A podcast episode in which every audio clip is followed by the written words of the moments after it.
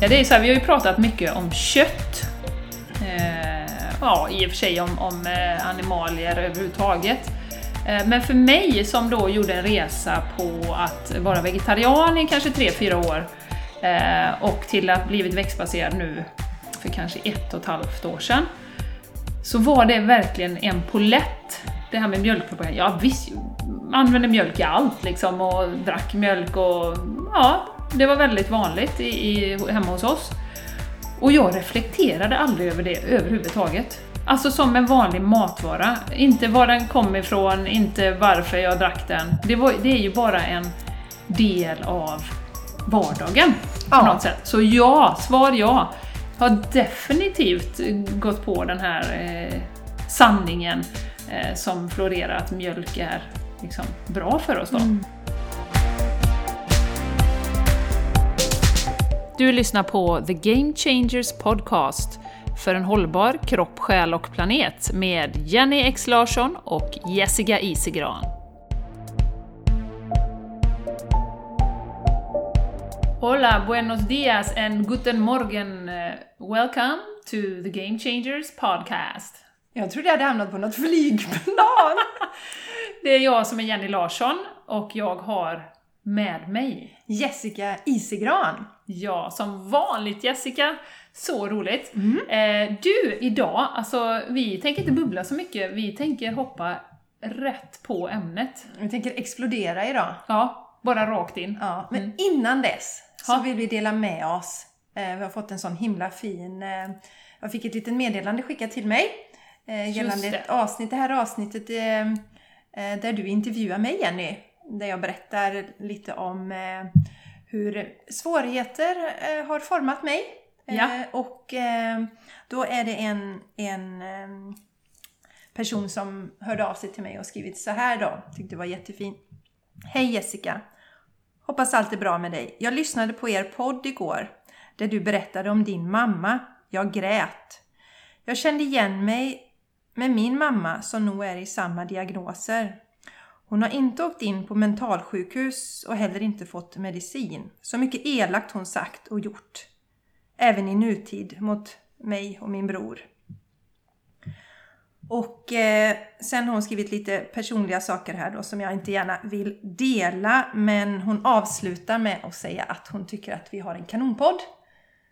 Härligt. Ja, att våran podd är grym har hon Ja. skrivit. Och Ja. det tycker vi är jätteroligt. Vi älskar verkligen när ni hör av er Ja. till oss. Och känns fantastiskt fint att våra berättelser kan nå ut till andra människor. För er som inte har lyssnat på det här avsnittet så växte jag ju upp med en, en psykiskt sjuk mamma. Så om det är någon annan som har befunnit sig i samma situation så kanske ni kan bli inspirerade och lyssna Mm. på det avsnittet också. Ja, det är jättefint Jessica, för att ibland när man sitter här, du och jag, mikrofonen och eh, datorn här då, så, så man föreställer ju sig inte att, att människor lyssnar, även om vi vet det rent statistiskt, så ser vi ju att det är några tusen nedladdningar varje månad. Och det är vi ju så glada för, men ibland glömmer man bort det ju. Ja. När vi sitter här. Så det är därför vi älskar den feedbacken som vi får, och om ni skriver betyg och skriver någon feedback på iTunes, så vi blir så tacksamma och så glada. Ja. Och det får oss att fortsätta, bara vi får så mycket energi och vill fortsätta att göra det här som vi gör. Ja, eller om ni delar på era stories när ni lyssnar. Vi blir superglada alltså på era Insta-stories och sådär. Ja. Så att eh, gärna hör av er till oss och berätta och som Jenny sa, skriv reviews och så. Det betyder jättemycket för Ja, det oss. gör det. Det gör det. Tusen tack för den fina Ja, feedbacken. fantastiskt fint. Underbart! Mm. Mm. Och Jessica, idag... Ja, Idag. Jenny! Jenny! Ja du, har du också gått på mjölkpropagandan Jenny? Ja du Jessica, det är så här, vi har ju pratat mycket om kött. Eh, ja, i och för sig om, om eh, animalier överhuvudtaget. Eh, men för mig som då gjorde en resa på att vara vegetarian i kanske 3-4 år eh, och till att blivit växtbaserad nu för kanske ett och ett halvt år sedan. Så var det verkligen en polett, det här med mjölkpropaganda. Ja visst, använde mjölk i allt liksom och drack mjölk och ja, det var väldigt vanligt i, i, hemma hos oss. Och jag reflekterade aldrig över det överhuvudtaget. Alltså som en vanlig matvara. Inte var den kom ifrån, inte varför jag drack den. Det, var, det är ju bara en del av vardagen Ja. på något sätt. Så ja, svar ja. Har definitivt gått på den här eh, sanningen eh, som florerar att mjölk är liksom bra för oss då. Mm. Mjölk ger starka ben till Ja, exempel. vi har ju växt upp med det Jessica. Minimjölken, Emma. Och samma här, alltså det var, mjölk var ju ingenting som jag överhuvudtaget reflekterade över. Nej. Jag minns när jag gick på gymnasiet, eh, då drack inte mina eh, närmsta vänner mjölk till lunchen. Vilket jag är jättetacksam för idag. För de inspirerade mig till att sluta dricka mjölk då. Jaha. just Ah, vid, vad så att man tidigt. tog bort drickandet Mm, mm. av det där slentrianmässiga drickandet. Ja, ja. Eh, och jag kommer ihåg att jag tyckte det var jättekonstigt i början. Men varför dricker de inte mjölk till maten? Det Nej, gör nej. man ju alltid va? Nej. Så mjölk supernaturligt livsmedel. Självklart. Och jag kommer ihåg de här, jag vet inte om du minns de mjölkpaketen Jenny? Eh, När det var, det var ju Arlas paket då, så var det de här gula och så var det jättesöta kossor som hoppade runt och det var så idylliskt allting. Mm, mm. Jo, jag kommer ihåg det. Mm. Mm. Ja. Nej men det är ju eh, en så ingrodd del i vårt samhälle, Mm. kan vi säga. Och som sagt, jag är väldigt ödmjuk inför den här frågan, för att det, liksom poletten för mig har ju inte ramlat ner för typ ett år sedan eller ett och ett halvt. Eh, Så jag var lite nyfiken inför att vi skulle spela in det här avsnittet, så gick jag in och kollade lite på historiken. Om liksom, hur kom mjölk in i vårt samhälle? Just. Eh, och eh, då är det så roligt, för då har, är det en tidning, då, Forskning och framsteg, som har skrivit, och det är en så rolig underrubrik på det här. Det, det heter nämligen den svenska mjölkpropagandan. Gärna ost och vin från kontinenten, men inte mjölk. Nej, rör inte den svenska mjölken då. Och, så det är ju en väldigt eh, symbol, symbolisk liksom vara och en del av vår identitet. Då. En nationaldryck. Ja, precis, precis. Eh, så att, men, men då tittade vi lite tillbaka då, och, och då är det så här att det är ungefär i hundra år som vi har druckit mjölk då. Och eh, man har ju haft kor och så innan, men det var ju väldigt, väldigt lite mjölk man tog, alltså kanske en slatt om det blev något över då. Ehm, och det är ju just bara för, här i Skandinavien då, för att det har liksom varit så mycket betesmark så det har varit naturligt för oss att ha, eller det har funnits betesmark som man har kunnat ha kor då. Eh, men det roliga var som jag hittade här att ända in på 1900-talet så ansågs det som omoraliskt och oekonomiskt att dricka färsk mjölk. eh, det var frosseri då, eh, att dricka liksom mjölk. Och, och då eh, kunde man göra undantag bara för småbarn, eh, åldringar och sjuklingar. Som kunde få en så kallad silslup som dracks rätt vid mjölkningen då.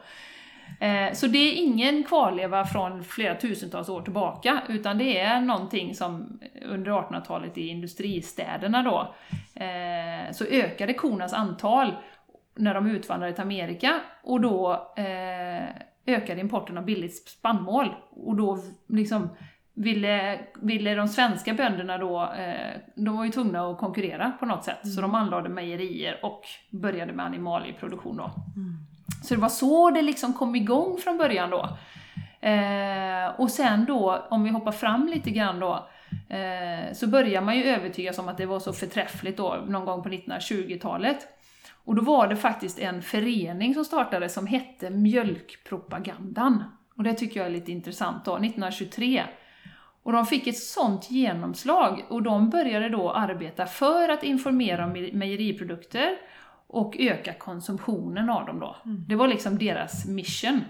Och de producerade broschyrer och böcker och de hade, gjorde månadstidskrifter, filmer, mjölkdagar, mjölkveckor, de grundade mjölkbarer, står det här. Eh, och producerade reklammaterial åt mejeriföretagen då. Det var ju schysst. Ja, verkligen. Det låter ju jättebra. Och de hade mjölklektioner i skolan med föredrag och filmvisning, ofta i kombination med tävlingar och man fick pris och sådär då. Och där i den föreningen var ju då aktiva då givetvis jordbrukare, mejeriföretag, men också politiker, läkare, lärare, forskare. Och det finansieras ju då av avgifter från jordbrukare och mejerier. Eh, Men även då riksdagen och hushållningssällskap som bidrog med anslag. Och eh, nej, så mjölken blev ju liksom en samlingspunkt då för politiska intressen och, och liksom, ja, man vill ju höja, höja mjölkkonsumtionen då. Så att redan från början liksom på 1920-talet så har man liksom, det är en sån vara som man har samlats kring. Liksom. Ja, och det är så intressant just det här för att eh, det pratade vi också om lite innan eh, vi började spela in här att Ibland får, så får man ju slängt i ansiktet att man vill inte höra den här veganpropagandan. Eh, det är ju jättespännande för, för att eh, det är helt okej att ha fallit för mjölkpropagandan. Eh, precis. och jag som då har ätit växtbaserat länge kan ju inte riktigt hålla med om att det finns en veganpropaganda Nej, eh, nej. som är organiserad utan det kommer ju mer från enskilda Nej, från- individer som faktiskt märker att de får bättre hälsoeffekter av att äta mer växtbaserat. Du har inte med Stefan Löfven i din... eh, Nej, jag har absolut propaganda. inte med Stefan Löfven i min propaganda. Nej, nej, nej. Eh, så att, och just väldigt kul Jenny att den hette, Mjölkpropaganda. Ja. Heter föreningen. ja liksom. föreningen hette Ja, det, ja, Mjölkpropagandan. Ja. Eh, nej, så att eh, det är ju, sitter ju jättedjupt i, eh, i vårt DNA, det här med mjölken. Mm. Eh, och den forskningen, vi ska ju prata lite om forskning idag Jessica, var det senaste. Mm. Och, och när vi var barn så fanns ju inte den forskningen. Den forskningen som vi tittar på nu, Mm. den är ju liksom de senaste 10, 15, 20 åren. Ja, Så det är inte konstigt. Jag, jag ser det lite grann som vi sa här innan, att som när våra föräldrar började röka. ja, Eh, att liksom, man visste inte riktigt vad det hade för effekter Nej. på lång sikt. nej, Och plus att parallellt, alltså konsumtionen har ju ökat så fruktansvärt. ja. Det är ju liksom inte en sillslup som det var, Nej, som det var på Nej, 20-talet. och sen ska vi vara medvetna att det finns ju så mycket ekonomiska intressen bakom sådana här saker idag Jenny, så att det är svårare att vända på det. Ja, alltså ja. det är svårare, för, för även om du säger att forskningen är relativt ny, men den finns ju ändå där och ändå är det inte det som får genomslag. Nej. Eh, vilket ju skapar förvirring hos eh, oss som konsumenter. Mm, Utan det är oftast de som på eget bevåg sätter sig in i och börjar läsa olika studier och liknande. Ja. Och, och, och lär sig då kanske vara lite kritisk och se vem är det som har finansierat den här studien. Ja. Oavsett vad det kan vara då. Ja, absolut. eh, Vad som ligger bakom den. Ja. Så att, eh, ja. För jag trodde ju verkligen att det var hälsosamt, men jag har ju förstått nu eh, under den här utbildningen som jag gått på Cornell, med Plant-Based Nutrition heter ju den. Eh, jag har ju verkligen förstått att det, det är ju inte hälsosamt på något sätt. Och dessutom, som vi säkert har sagt någon gång, så är vi ju den enda arten som dricker en annan arts mjölk. Och dessutom efter vi är liksom inte ammar längre. Eller hur? Exakt, exakt. Och det är ju inte någonting som jag har reflekterat över innan heller. Nej. Utan det, det börjar man ju först tänka på när man kliver bort från det och liksom Ja, nu ska vi se, vi dricker inte giraffmjölk och vi dricker inte schimpansers mjölk då. Nej. Eller hundmjölk. Hundmjölk skulle ju kunna vara, ett alternativ. Ja, ja. Eh, så. Och vi tycker det är jätteäckligt om man skulle säga att ja, men Jessica, jag tar lite av din bröstmjölk i mitt te här nu. För det, men liksom, det är samma, du, Mm. Ja, det är- du och jag är ändå samma art. Ja, men men tycker det är man jätteäckligt, det är jätteäckligt. liksom. Så det sitter ju verkligen Ja, det har blivit- programmerat. Ja, det har blivit normaliserat. Mm, mm. Eh, Och det är ju intressant att eh, en annan del då man pratar om propaganda så var det så att mjölkdrickandet gick ju ner i Sverige på 80-talet. Och eh, då såg ju mjölkindustrin att här måste det göras någonting. Så Mjölkfrämjandet, bland annat, och även Arla, eh, ligger ju bakom den här lattetrenden. Mm. Man skapade alltså när man tittade, hur kan vi få människor att dricka mer mjölk igen? Det var ju till och med så att Ingvar Carlsson gick ut då, eh, som var statsminister. Ja, som var Ja. statsminister på den tiden, gick ut och sa det att mjölk är inte för vuxna människor. Mm. Och det, komjölken är ju inte för barn heller, för det är olika arter. Alltså den är inte för vår människobarn så att säga. Men just att Helt plötsligt så, så blev vi alla lurade. Jag drack ju, det var ju helt naturligt att det skulle vara mjölk i kaffet. Och en kaffelatte per definition har ju två tredjedelar mjölk och en tredjedel kaffe. Mm. Så, så helt plötsligt så lyckades man öka konsumtionen av mjölk igen. Ja, det är fascinerande. Det är jättefascinerande. Och så går vi då människor och tror att vi gör liksom egna val och att Eh, vi minsann inte vill att någon ska komma och säga att man ska äta veganskt eller något och komma med sån propaganda. Medan vi inte ens ifrågasätter varför vi äter så som vi gör Nej, idag. Nej, nej. Eh, Och det är ju det vi vill göra, eh, Ja. liksom ifrågasätta. Och särskilt då om det är någonting, alltså vi har ju ingen anledning att eh, liksom, ifrågasätta saker som är liksom 100% bra för oss. Men nu som sagt finns det så mycket ny forskning som säger att mjölk påverkar oss så dåligt. Det är väldigt mycket mättat fett i mjölk.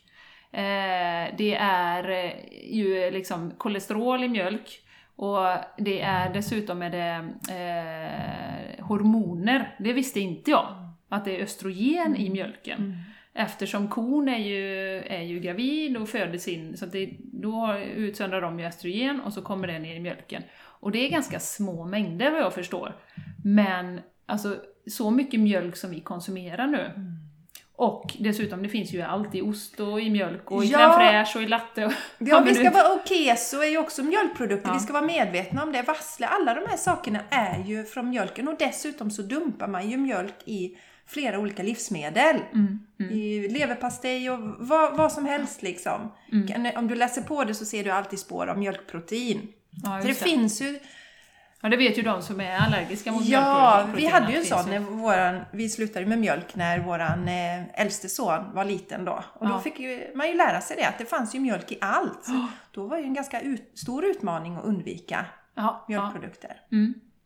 Eh, jag tänkte jag skulle ta upp en sak som verkligen golvade mig när jag eh, läste den här utbildningen. Och det är ju en eh, kille, eller en forskare som heter Colin Campbell i USA. Han har ju gjort rätt mycket forskning på, på det här. Och han hittade en studie i Indien där de har forskat på just mjölkproteinet som heter kasein då. Och de hade gett det till råttor. Och de, först utsatte de dem för en cancerogen, och sen, så de hade liksom tumörer.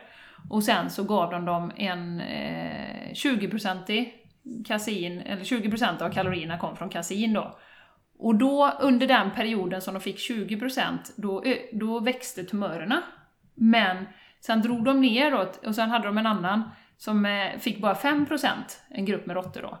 Och deras tumörer minskade då i storlek. Och det blev så här, wow, oj.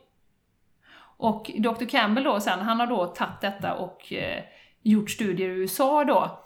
Och eh, då har han eh, gjort liknande, så att han har gett dem kasein då, mjölkproteinet, eh, och dratt det upp och ner. Så att samma grupp har fått cancerogener, sen har han dratt upp till 20% och sen dratt ner. Och då såg han att tumörerna faktiskt minskade, så det följde väldigt snabbt liksom din konsumtion. Och det är ju skrämmande men samtidigt väldigt positivt. Så att tar du bort mjölkprodukterna ur din, din liksom, konsumtion så kan det ju väldigt snabbt bli, bli bättre om man nu skulle ha någon form av cancer då. Men det intressanta med detta var också att han gjorde samma experiment med 20% plantbaserat protein då, en 20% diet. Men de, ingen av dem, eh, och de fick ju också cancerogener från början då, men ingen av dem utvecklade cancer då. Eller att tumörerna växte då på dem. Så det blev så här, åh herregud, jag hade ingen aning om att det kan, till och med kan liksom göra så. att- Och det har ju också med den här som vi har pratat om innan, IGF-1, Insulin Growth Factor, som kalvarna får eh, för att de ska växa snabbt. Som ju finns i mjölk. Som gör, stimulerar celltillväxt, även dåliga celler då. Och det, det, är ju liksom, det är ju någonting jag har lärt mig det senaste. Och sen fattar men herregud, eh, det är ju helt sjukt hur, hur det påverkar. Men det är ju så, återigen, då kliver man tillbaka ett steg och tänker man så här: okej, mjölk är till för kalvar som ska växa till sig fort. Det, det är ju liksom, okej, okej, det är klart att de ska ha växt- tillväxthormon då, Ja. eh, IGF-1. Det är ju specialutvecklat för den arten. Ja, Alltså- för att de ska växa till sig under Ja. sin amning, så att säga. Ja, alltså mjölken är ju, man har ju inte forskat så jättemycket men börjat forska på, på människomjölk så att säga. Eh, Och sett till exempel hur mjölken ju där anpassar sig efter, den anpassar sig efter vilket, om jag, vilket kön det är på barnet, vilken ålder det är på barnet. Ehm, om barnet är sjukt så kan ehm, eh, då, då, då kan den skicka in signaler så kan min mjölk producera antikroppar mot det som barnet är sjukt mot som den får i sig nästa gång den ammar. Så, ja, så det, den här är, och jag tror att det finns ännu mer att upptäcka, så att det är oerhört intelligent. Mm. Det ska man ju ha respekt för då när man plockar den här eh, eh, mjölken och ger den till en helt annan art. Ja. Vad kan det få för konsekvenser? Ja, ja precis. precis. Ja. Och även då, eftersom det är, jag vet inte om jag sa det innan, men eftersom det är östrogen, alltså det vill säga Alltså man skulle kunna säga små hormonpiller som vi ger egentligen till våra barn eller till oss själva. Eh, så är det ju länkade till den typen av cancer som har med hormoner att göra, det vill säga prostatacancer, bröstcancer och eh, eh livmoderhalscancer. Och det är ju forskning som har kommit nu. Alltså jag satt och tittade på en studie här innan med prostatacancer och den är från 2015. Så, så jag är ju inte förvånad att, att gemene man inte vet detta. Alltså, jag visste inte heller. Det är nya studier, men som visar att mjölk är inte bra eh, för oss på sikt. Det är väldigt dåligt. Eh, och jag tänker också, en förvånad som jag inte visste heller eh, med mjölk, det är ju det här med allergier. Att det är väldigt eh, allergifra, inte framkallande kanske, men kan förstärka allergier. Eh, och jag har nog nämnt min man någon gång, det var ju sån här positiv sidoeffekt att han hade ju jättekraftiga pollenallergier. Och den har ju minskat betydligt. Alltså han, nu när det har exploderat i år så är det klart han nyser och, och får nysattacker, men han tar ju ingen medicin, ingenting. Bara en positiv bieffekt. Mm. Av att det är så inflammatoriskt och liksom slem, påverkar slemhinnorna och så. Ja, då, det, det är många som mår bättre som vittnar om Ja, det. ja. Och det vore ju fantastiskt tycker jag. Åtminstone testa, det kan väl vara värt för att eh, förutom då att ha de här besvären, eh, allergiska besvären som man har på våren och man medicinerar för det så har ju det ju biverkningar också. Man blir trött, kan få huvudvärk och då är det väl häftigare att kunna lägga om kosten. Därför jag tycker också vi ska börja reflektera. Det är så mycket också det som är normaliserat. Ja men det är så, många är allergiska. Ja men varför? Ja, alltså det. våra kroppar är extremt intelligenta. Extremt intelligenta. Det vittnar ju inte ens våra, våra, vittnar vår sista podcast om, den senaste med Lene. Hennes kropp, hur den ordnade all, liksom, alla de här grejerna hon gick igenom. Precis. Ja, Så, bara löser det. så, och just det här att vi lever i symbios med naturen. Varför blir vi helt plötsligt, varför tål vi inte det träden ger ifrån sig? Nej. Alltså det är inget normalt tillstånd, det är det jag, dit jag vill komma. Då får man backa lite, varför har det blivit så? Mhm. Och varför skjuter det i höjden? Det är cancer, det är eh, allergier och, och allt det här blir liksom, det, det är normaltillstånd. Men det ska inte vara så. Mm, mm, Men för att vi utsätter oss för hela tiden dagligdags för sådana saker som, som inte är bra för kroppen. Jag tycker det är så intressant det som du sa där, hur man när man ändrade mängden av eh, proteinet, det här kausinet, Ja, hur det då kunde få tumörerna att minska. Ja. Att, eh, det, jag brukar ju ta det här exemplet att, att eh, om man har skurit sig så, och du låter kroppen vara där så läker den sig, den lagar sig. Men om du fortsätter att skär hela tiden så kan den inte laga sig. Och stoppar vi fel saker i kroppen så är det lite som att skära sig på insidan. Om vi får, kroppen är tålig, klarar ett litet tag. Eh, sen när man kommer sådär i 40-50 års åldern så brister det. Och vi ser ju också att det går längre och längre ner i åldrarna. Allt sånt här då. För att våra kroppar får sämre och sämre förutsättningar. ja. Ja, och det här med östrogenet ska jag säga också, det hörde jag ju nu. Eh, det finns ju en kille, en läkare som heter Neil Barnard på... Eh, ska vi se om jag kan hålla tungan i rätt mun. Eh, Physicians Committee for Responsible Medicine. Tjoho! Där satt den. Eh, han är ju fantastisk. Eh, han eh, är baserad i Los Angeles och han säger ju det att också den här östrogen som de börjar forska på nu, att vi äter östrogen då om vi äter mjölkprodukter, eh, det länkar till, alltså eh, tjejer får mens tidigare och tidigare. Eh, för, hävdar han då, för några hundra år sedan så fick man mens i 17-18 års åldern när kroppen var redo för att få barn. Nu får de 9, 10, 11, 12. Alltså det är tidigt. Och egentligen är man ju inte varken fysiskt eller psykiskt redo för att få barn. Och det kan hänga ihop med det att, att man äter som små hormon, hormonpiller hela tiden. Eh, och även då att det eh, påverkar eh, fertiliteten hos män. Att man äter eh, liksom kvinnligt sexhormon eller vad man ska säga. Ja, det är ju en spännande grej. Hur sexigt är det, Jenny? Inte så sexigt. Nej. Nej. Och jag, vi ska ju givetvis länka till, eh, till honom och till Physicians Committee, för där finns jättemycket information om det här. Och de gör forskning hela tiden på, på eh, ja, men vad gör kosten? Vad kan vi göra om vi plockar bort det, om vi plockar bort det? Ehm, och då, nu när jag tänker på honom, så har han ju också nämnt en sak. De brukar ju plocka in folk då som, ja men prostata till exempel. Och så lägger de om. Eh, de har ju kunnat reversera prostatacancer eller sänka de här PSA-värdena genom att ändra livsstil, minska stress och kosten. Eh, träning då givetvis också. Så har de kunnat sänka de här PSA-värdena då. Eh, men ingen medicin i övrigt så. Kan du berätta lite om PSA-värdena? Nej, det kan jag inte. Nej, okej. Nej. Men det är det som indi- indikerar liksom Ja, hur mycket... Ja, de, de får inte bli för höga, Nej. för då liksom har du högre risk för, can- för Ja, prostatacancer, just eller om du har utvecklat det vid något visst värde. Ja, och då Eh, kan man reglera, Ja, sänka du kan dem. Mm. sänka de värdena, liksom, eh, som jag har förstått det då.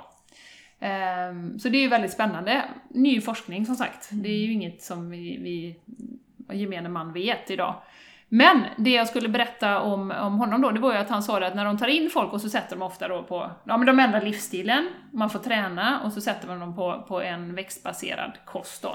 Och då en bra växtbaserad givetvis, inte skräp liksom så, utan lagad från grunden så. Eh, så brukar ju folk säga att ja, men det, de mår bra, det har gått jättebra och sådär.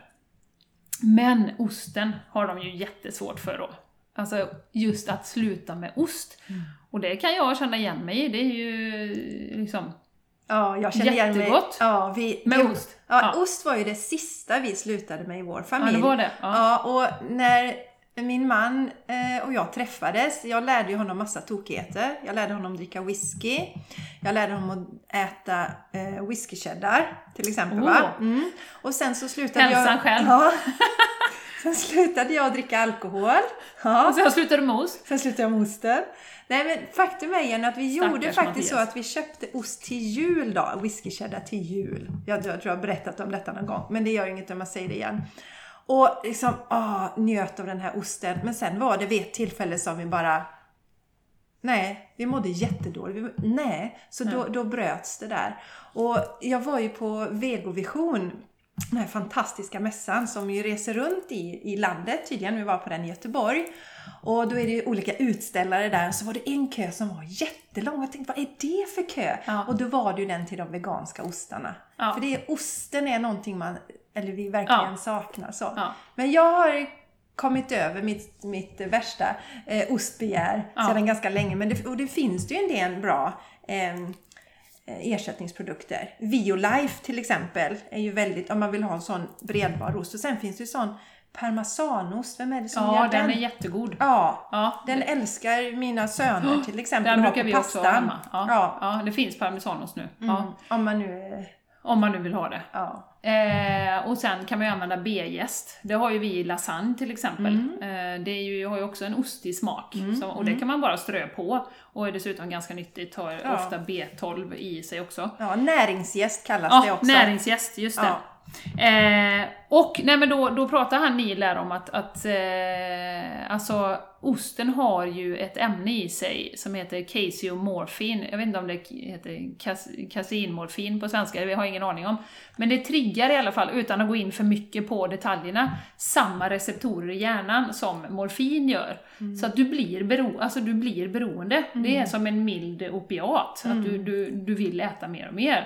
Så är osten har man sån alltså, fysisk koppling till, som ett beroende. Just det. Sen dessutom är det ju väldigt mycket, har jag lärt mig, Menar inte du heroin nu? Du sa morfin, eller? ja, jag vet inte vad skillnaden är med Ja, beroendet nej, där. men- nej, men just heroin har, har jag ju hört att Okej. det är liksom, men man kan bli beroende av morfin också, jag har aldrig testat det. Nej. jag vet inte. Men eh, något av de här beroendeframkallande drogerna i alla fall. Ja. Eh, men det som han säger också det är att det är väldigt mycket salt i ost. Det är ju mer salt, och, och sodium då framförallt har jag också lärt mig nu. Och så tänker man varför är sodium inte bra då? Jo, nej men det höjer blodtrycket.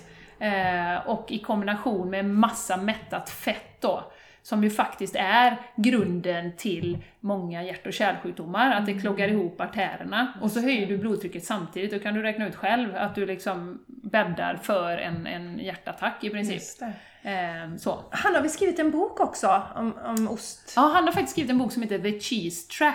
Ja. Så är det någon som är intresserad av att kolla upp den så eh, vi länkar ju till det också. Där han har gått in i detalj på det här med ost då. Just det, Neil Barnard. Neil Barnard. Ja, Neil precis. Barnard. Ja, Barnard. Barnard. Eh, och eh, våran fina inspiratör Julie har ju skrivit en bok som Ja. är, heter This Cheese is Nuts. Ja. Så vill man börja testa andra växtbaserade alternativ så finns det hur mycket recept som helst. ja, det finns jättemycket Ja. idag. Så att eh, det kan vi verkligen rekommendera. Men Sen, jag har full respekt just för det om ni har svårt att sluta med osten och det Ja, men finns du en vet- förklaring till det. Ja, det finns ju förklaring då. Mm. Att det är, det är faktiskt beroendeframkallande. Eh, sen då, eh, som jag kände själv då, eh, och säkert du också Jessica, det här med att vi får ju höra, som du sa i inledningen, mjölk ger starka ben. Vi behöver prata lite om kalcium. Just det, ja men precis, för det är en fråga som jag ofta får liksom, Mm. någon som först, men, men hur gör jag med kalciumet liksom? Ja, precis. Mm. Eh, och eh, då hörde jag också eh, att eh, det kalciumet som vi, är, som vi är i mjölk, det tar vi bara upp 30% av det som kommer liksom när du dricker mjölk. Eh, men däremot äter du bladgrönt så får du i dig, alltså kroppen suger upp 50%. Så det är också ett ineffektivt sätt att dricka mjölk bara för att få kalcium. Mm. För du får också en mättat fett och kolesterol på köpet, vilket du helst inte vill ha. Nej, och Särskilt östrogenet. inte, och östrogenet. Särskilt inte om du liksom har anlag för hjärt och kärlsjukdomar och sådär då. Eh, så att, så att det, det är ju Så verkligen... upptaget är, är högre från växtbaserade alternativ Ja. helt enkelt. Ja, Mm. exakt. Och det är ju ändå så att det är inte korna som producerar kalciumet. Utan de mäter gräset, alltså kalcium finns i jorden Mm. och i det bladgröna som sagt. Ja, och att äta bladgrönt kan ju vara lite sådär lurigt att få i sig Ja. Jenny. Men då Mm. rekommenderar jag ju verkligen att man kör gröna smoothiesar. Och då Ja. basar man med bananer, gärna lite frysta bär och sen slänger du i olika bladgrönt. Och börja med något snällt i början som, som spenat eller plocksalat. Och sen kan du bli lite mer hardcore och lägga in grönkål och lite sånt där. Men det är ett perfekt sätt att få i bladgrönt. Men sen är det så att det är inte bara bladgrönt som innehåller kalcium Jenny, utan det finns ju andra Ja. eh, källor också. Ja, ja, ja, absolut. Eh, jag googlade lite här bara för för jag var själv intresserad av detta då, och då är det så att en vuxen behöver ungefär 800 mg kalcium per dag. Eh, dricker du 2 deciliter mjölk så får du 240. Plus kolesterol plus mättat fett plus östrogen då. Plus som vi har den här eh, Plus IG, IGF-1. ja, IGF-1. Mm. Mm. Eh, så, att, så att det finns ju mycket som man inte vill ha också, som man får. Eh, men eh, det finns väldigt mycket av de här växtbaserade eh, olika alternativen som innehåller mycket kalcium. Och bara, jag vill bara dra några, bara för att ge så att ni förstår några alternativ då. Eh, kidneybönor, 143 mg kalcium per 100 gram. Eh, sesamfrön, 989 mg kalcium. Så strö lite sesamfrön på maten om ni, ni vill ha kalcium. Ja. Eh, sparris 24 mg, mandlar 267 mg, får 1,5 deciliter står det här då. Eh, torkade fikon, eh, tofu har eh, kalcium och persilja har 185 mg kalcium per 100 gram. Så att äter man varierad, det är ju som vi brukar säga, varierad växtbaserad kost så kommer du få i dig kalciumet också. Du behöver inte vara orolig för Nej, kalciumbrist. man behöver inte vara orolig Nej. för det. Eh, så att, och det är ju någonting som jag också har lärt mig. Ja. Så, jag tänkte mjölk, kalcium, vad finns det mer? Ja, finns inget annat. Nej. Nej. Men mitt problem då, som, som, eh, och det var ju därför egentligen också som jag tog bort mjölken mycket, det var ju inte på grund av hälsoskäl som du gjorde. Nej. För du visste ju, du läste på och visste Ja, men liksom. precis. Men det var ju eh, utsläppen också. Eh, och det, det är ju ungefär tre gånger mer utsläpp eh, för att dricka. Om du skulle byta mot en havremjölk eller någon annan plantbaserad eh, så är det tre gånger mer utsläpp per deciliter mjölk, eller liter mjölk då. Så att det är ju också en enorm, för, för, för oss som är eh, miljömedvetna och vill minska vårt klimatavtryck, så Ja. är ju också faktiskt mjölken en stor bov. Mm. Eh, faktiskt. Mm. Och plus det här med att det tar upp väldigt mycket landyta Och väldigt mycket vatten för att producera, eftersom korna dricker så mycket då. Mm, mm. Så att, eh, ja, det är ju inte heller bra ur hållbarhetssynpunkt Nej. eh, faktiskt. Nej. Utan vi behöver dra ner på det för att, för, att, för att skapa en hållbar framtid. Och som sagt, det går ju utmärkt att dricka vatten, man behöver ju inte ens dricka de plantbaserade alternativen. Nej, nej, vi har pratat, alltså jag har känt det också, liksom att just drickandet kan man ju bara byta till vatten och träna på det om man nu har, alltså att man dricker mjölk nu och då. Men sen också tycker jag det är intressant att vända och vrida för att Tack vare att vi hade då den här mjölkpropagandan, jätteroligt tycker jag, eh, så skapade de ju ett, eh, ett, ett behov och att en, ett sätt att äta som, där mjölk ingår. I, att till frukost äter vi gröt med mjölk eller vi äter eh, vad heter det, yoghurt med mjölk och, eller filmjölk, inte yoghurt med mjölk men yoghurt med flingor och filmjölk och sådär. För att vi, det är mjölk och då är det första, nu måste jag ju byta ut det här men man kan ju tänka ytterligare ett steg. Behöver du äta de här produkterna överhuvudtaget? Ja, Alltså, du behöver exempel- kanske inte dricka havremjölk till maten, men du kanske vill byta ut med en crème fraîche i din... Ja, men jag eh, menar man kan bara ja. liksom tänka just i den delen också. Liksom, vad, finns det andra förändringar om man tycker det är spännande att testa?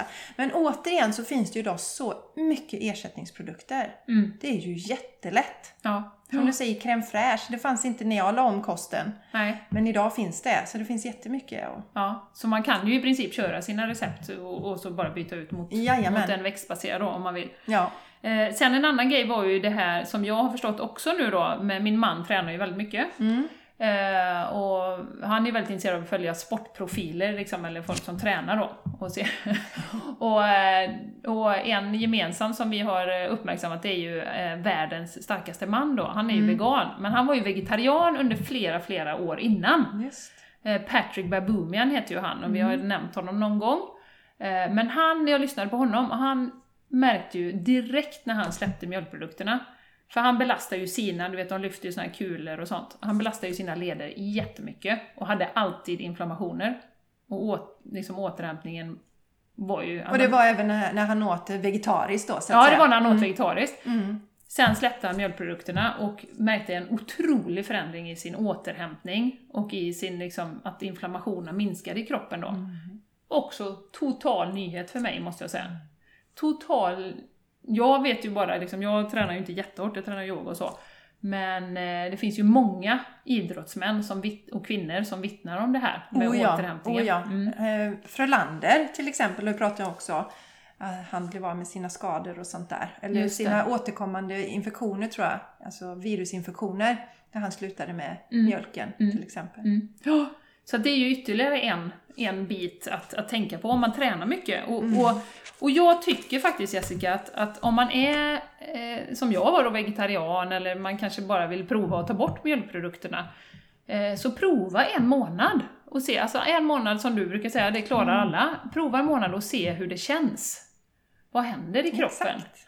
Eh, vad behöver jag verkligen? Ja, liksom, testa. mjölken? För det är också det att eh, det är ibland, det är som sagt det är inte alls ovanligt att det är som det var för oss då, att man har ett barn som inte tål mjölk och så lägger hela familjen om kosten. Eh, och, och då är det ju inte sällan vuxna upptäcker att de får hö- hälsofördelar som de inte alls hade räknat på innan. Så absolut, testa.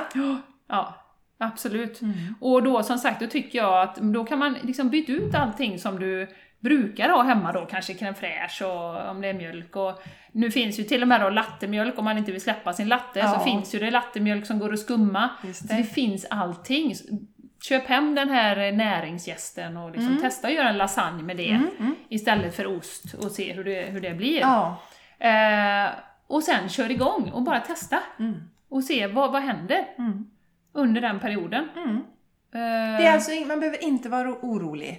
Det här kan Nej. inte hända någonting. Man dör inte av nej, näringsbrist. precis. Nej. nej. Det har inte du gjort i alla fall. Nej, jag har inte gjort det än. Det är på gång. Du hänger på en lös tråd Ja, här på, på lös tråd. sjunde året. Eh, Jessica, eh, vi har en mer grej som jag vill nämna innan eh, vi avslutar den här. Just.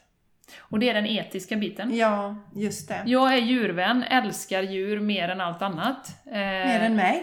Ja, Nej, nu är det slut på den här Nej, jag är podcasten. verkligen- det time verkligen eh, djurmänniska, har alltid varit sedan jag var Mm. pytteliten. Men jag hade ju inte heller reflekterat över det här med den etiska biten. Just mjöl- kring mjölken Nej, då? just kring mjölken. Nej. Överhuvudtaget. Hur, tänka på hur kommer den till? hur kommer det sig att jag kan få mjölk? Mm. Och hur går det till då Jessica? Du, för du har ju varit lite Ja, längre men alltså det medveten. är återigen, då hade man ju den där idylliska bilden att det var, du vet, man ser ju på, vad är det den heter, på Prao i Bregottfabriken och allt sånt där kring mjölkproduktion och smörproduktion och sådär då. Men man tar ju kalvarna från sin, från sin mamma, helt enkelt. För att vi vuxna människor framförallt då ska få den här mjölken som vi inte ens behöver. Och vi ska ha den i saker som vårat kaffe. Det gör med mig, alltså vi, sta- vi skapar eh, lidande hos djuren för att jag ska kunna dricka mitt kaffe med lite mjölk eller ganska mycket mjölk i till exempel. En sak är om, om det verkligen var så att vi behövde överleva Alltså vi behövde mjölk för att, alltså komjölken för att överleva. Men då kunde man kanske haft någon respekt, alltså behandlat djuren mer respektfullt än vad man gör idag. Mm, mm. Men just det här att vi tar kossa eller kalven från sin mamma och sen så får de då eh, mjölkersättning. Ja. För att den här mjölken ja, om som... de inte dödas direkt. För, Ja. för eh, de manliga kalvarna dödas väl direkt i princip. Ja, Och så får man kalvkött på restaurangen. ja. Ja. Och Det är det- ju bara de som de vill ha i mjölkproduktionen som överlever. Mm. Kalvkött är ju väldigt eh, fint. Så. Ja. Ja. Nej, men det som jag brukar tycka är intressant för att få liksom vända lite på det här också, det är till exempel att nu har jag ju en son som är fem år då. Mm. Och och han, då kan man ju vända på det. Tänk dig han är nyfödd. Mm. Och så, eh, tar man honom ifrån mig. För att min mjölk ska ges till kossorna. Mm. Bara den tankegrejen gör ju att man undrar vad, vad håller vi på med? För det där tycker jag alla är helt hål i huvudet på. Ja, ja, ja visst. Och, och som sagt, dels vi vuxna har ju inte ens, eh, vi kan, vi kan ju inte ens bryta ner laktosen Nej. som, som finns i mjölk. Och den försvinner ju någon gång eh, när barnen växer upp då. Och, och barn ska ju inte heller konsumera komjölk. Nej. Utan de ska ju ammas Mm. av sin mamma om det går. Ja. Naturligtvis, det är inte Ja. alltid det funkar. Men där ser jag också en lättja ibland kring detta för att man har inte förstått hur oerhört intelligent den här mjölken är för just mitt barn. Nej, precis. Ja, det går inte bara att ersätta med någon annan Mm. produkt. Men det återigen funkar inte så får man göra så. Men det, ja, jag tycker det är spännande eh, vad vi skapar egentligen. Vilket lidande vi skapar för att vi ska kunna njuta av Ja. mjölk i vårt kaffe. Och återigen då som ju Jenny var inne på här tidigare, eller som vi har pratat om, att kalcium får vi i oss på andra sätt, på ett mycket bättre sätt. Mm. Äter man en varierad kost så får man i sig det. Mm. Ja. Ja, nej, och jag hörde en sån hjärtskärande historia om en, en, ko, en ko på en, eh, en mjölkgård eh, som hade födde tvillingar. Mm. Eh, Och de, de födde ute faktiskt, så att de, det var en stor hage liksom. Och då hämtade de kalvarna i hagen. Mm. Och eh, så gick det några dagar och så trodde de att de hade hämtat alla kalvarna. Mm. Men då hade hon, hon hade fått tvillingar och gömt den andra kalven längst bort i hörnet. Den hittade de ju då efter några dagar. Just det. Tänkte vad liksom... Mm. Så de är ju, alltså jag är ju helt övertygad om att de, är, de känner ju känslor och vilken smärta. Och, Ja. och få bli gravid varje år genom artificiell och insemination. Ja, Och sen eh, tar de barnet och sen ska du ställa din mjölkmaskin och, och, pumpas ur liksom. Så att, eh, men som sagt, jag har stor respekt och jag, jag, jag tror att vi är på väg att ställa om. Mm. Och vi måste hjälpa mjölkbönderna givetvis att ställa om. Mm. För det är en jätteinvestering att ha en mjölkgård eh, och liksom all den här utrustningen och allting Ja. sånt. Så självklart, här måste det till liksom hjälp för att stötta. Mm. Eh, det handlar ju inte om att klanka ner på dem, men att hjälpa dem att ställa om Mm. på sikt. Ja. Både för hållbarhetens skull och för, för vår hälsa. Mm. Mm. Eh, faktiskt. Så att, eh, Ja, för att de har ju faktiskt fått stöd för att landa där de är. Absolut. Ekonomiskt Ja, stöd. ja. Och då kan man ju inte bara dra bort det heller, rent av. Nej. Samtidigt som det behövs en medveten. Alltså det, vi kan ju inte skydda, vi kan ju inte låta det fortsätta bara för att skydda enskilda bönder heller. Nej. Nej. Utan det måste ju finnas en hållbar eh, lösning. Mm. Mm. Ja. Men som sagt, som återigen, det är, här är, det, det är ju helt förståeligt. Och vi människor idag, vi har så mycket omkring oss så att eh, det är inte alltid man orkar.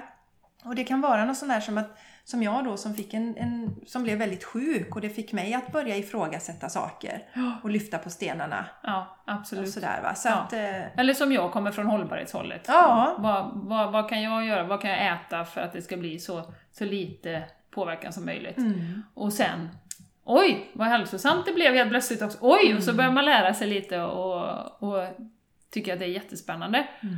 Och också börja ifrågasätta då lite de här normerna och paradigmerna som Mm. vi lever i då. Så vi hoppas att det här ska inspirera er och kanske läsa på li- lite själva. Vi kommer Ja, länka. vi länkar jättemycket Mm. för er som vill fortsätta läsa och eh, sätta er in i olika bitar och studier, det finns ju massor. Mm. Men de är ganska nya som sagt. Mm. De är från de senaste 10-15 åren. Mm. Så att nu gäller det att vi eh, hjälps åt att sprida och ifrågasätta. Ja, Mm. precis. För allas hälsa. Absolut. Mm. Mm. Ja, vi hoppas verkligen att ni tycker att det här har varit intressant. Mm. Ja, mjölkpropagandan. Ja, mjölkpropagandan var jätterolig. Jag lärde mig något nytt idag, jag visste inte att det fanns en Nej, förening som nej, hette jag, vi- jag visste ju att man hade drivit igenom lattetrenden Ja. på 80-talet, det kände jag till. Men inte att den här på 1900-talet där, 1920, Föreningen. föreningen där, mjölkpropaganda kände jag inte till. Det var väldigt spännande att höra om. Ja, så vi har lärt oss lite nytt Ja, här idag absolut. också, Jenny. Eh, tusen tack för att ni har lyssnat så här långt. Ja, alltså, eh, ni är fantastiska och eh, det poppar upp nya lyssnare varje dag som ger oss härlig feedback och som sagt, vi är så tacksamma. Ja. Och innan vi avrundar Jenny, lite, ja, Jenny ska iväg här alldeles strax. Mm. Yes. Var hittar man dig Jenny X Larsson? Eh, Jenny X Larson at Rafsaryd Balance Health eh, på Instagram and rafsaryd.se. Soon to be Soul Planet. Just det. Mm. Och mig hittar man på jessicaisigran.com och på Instagram hittar ni mig som Jessica Isigran och det är samma på Facebook. Och sen finns ju vi då på The Game Changers Podcast på Instagram Och Facebook. och Facebook. Yeah! Yes! Så eh, hör bara av er om det är någonting och eh, som sagt eh, förra veckan hade vi ju en gäst, Yoga-Lene, som ville vara med oss. Otroligt inspirerande. Så om du har någon spännande historia att dela så hör av dig. Och ha en fantastisk dag nu. Mm. Vi hörs snart igen. Jajamän. Puss och kram! Puss puss, hej då! Hejdå!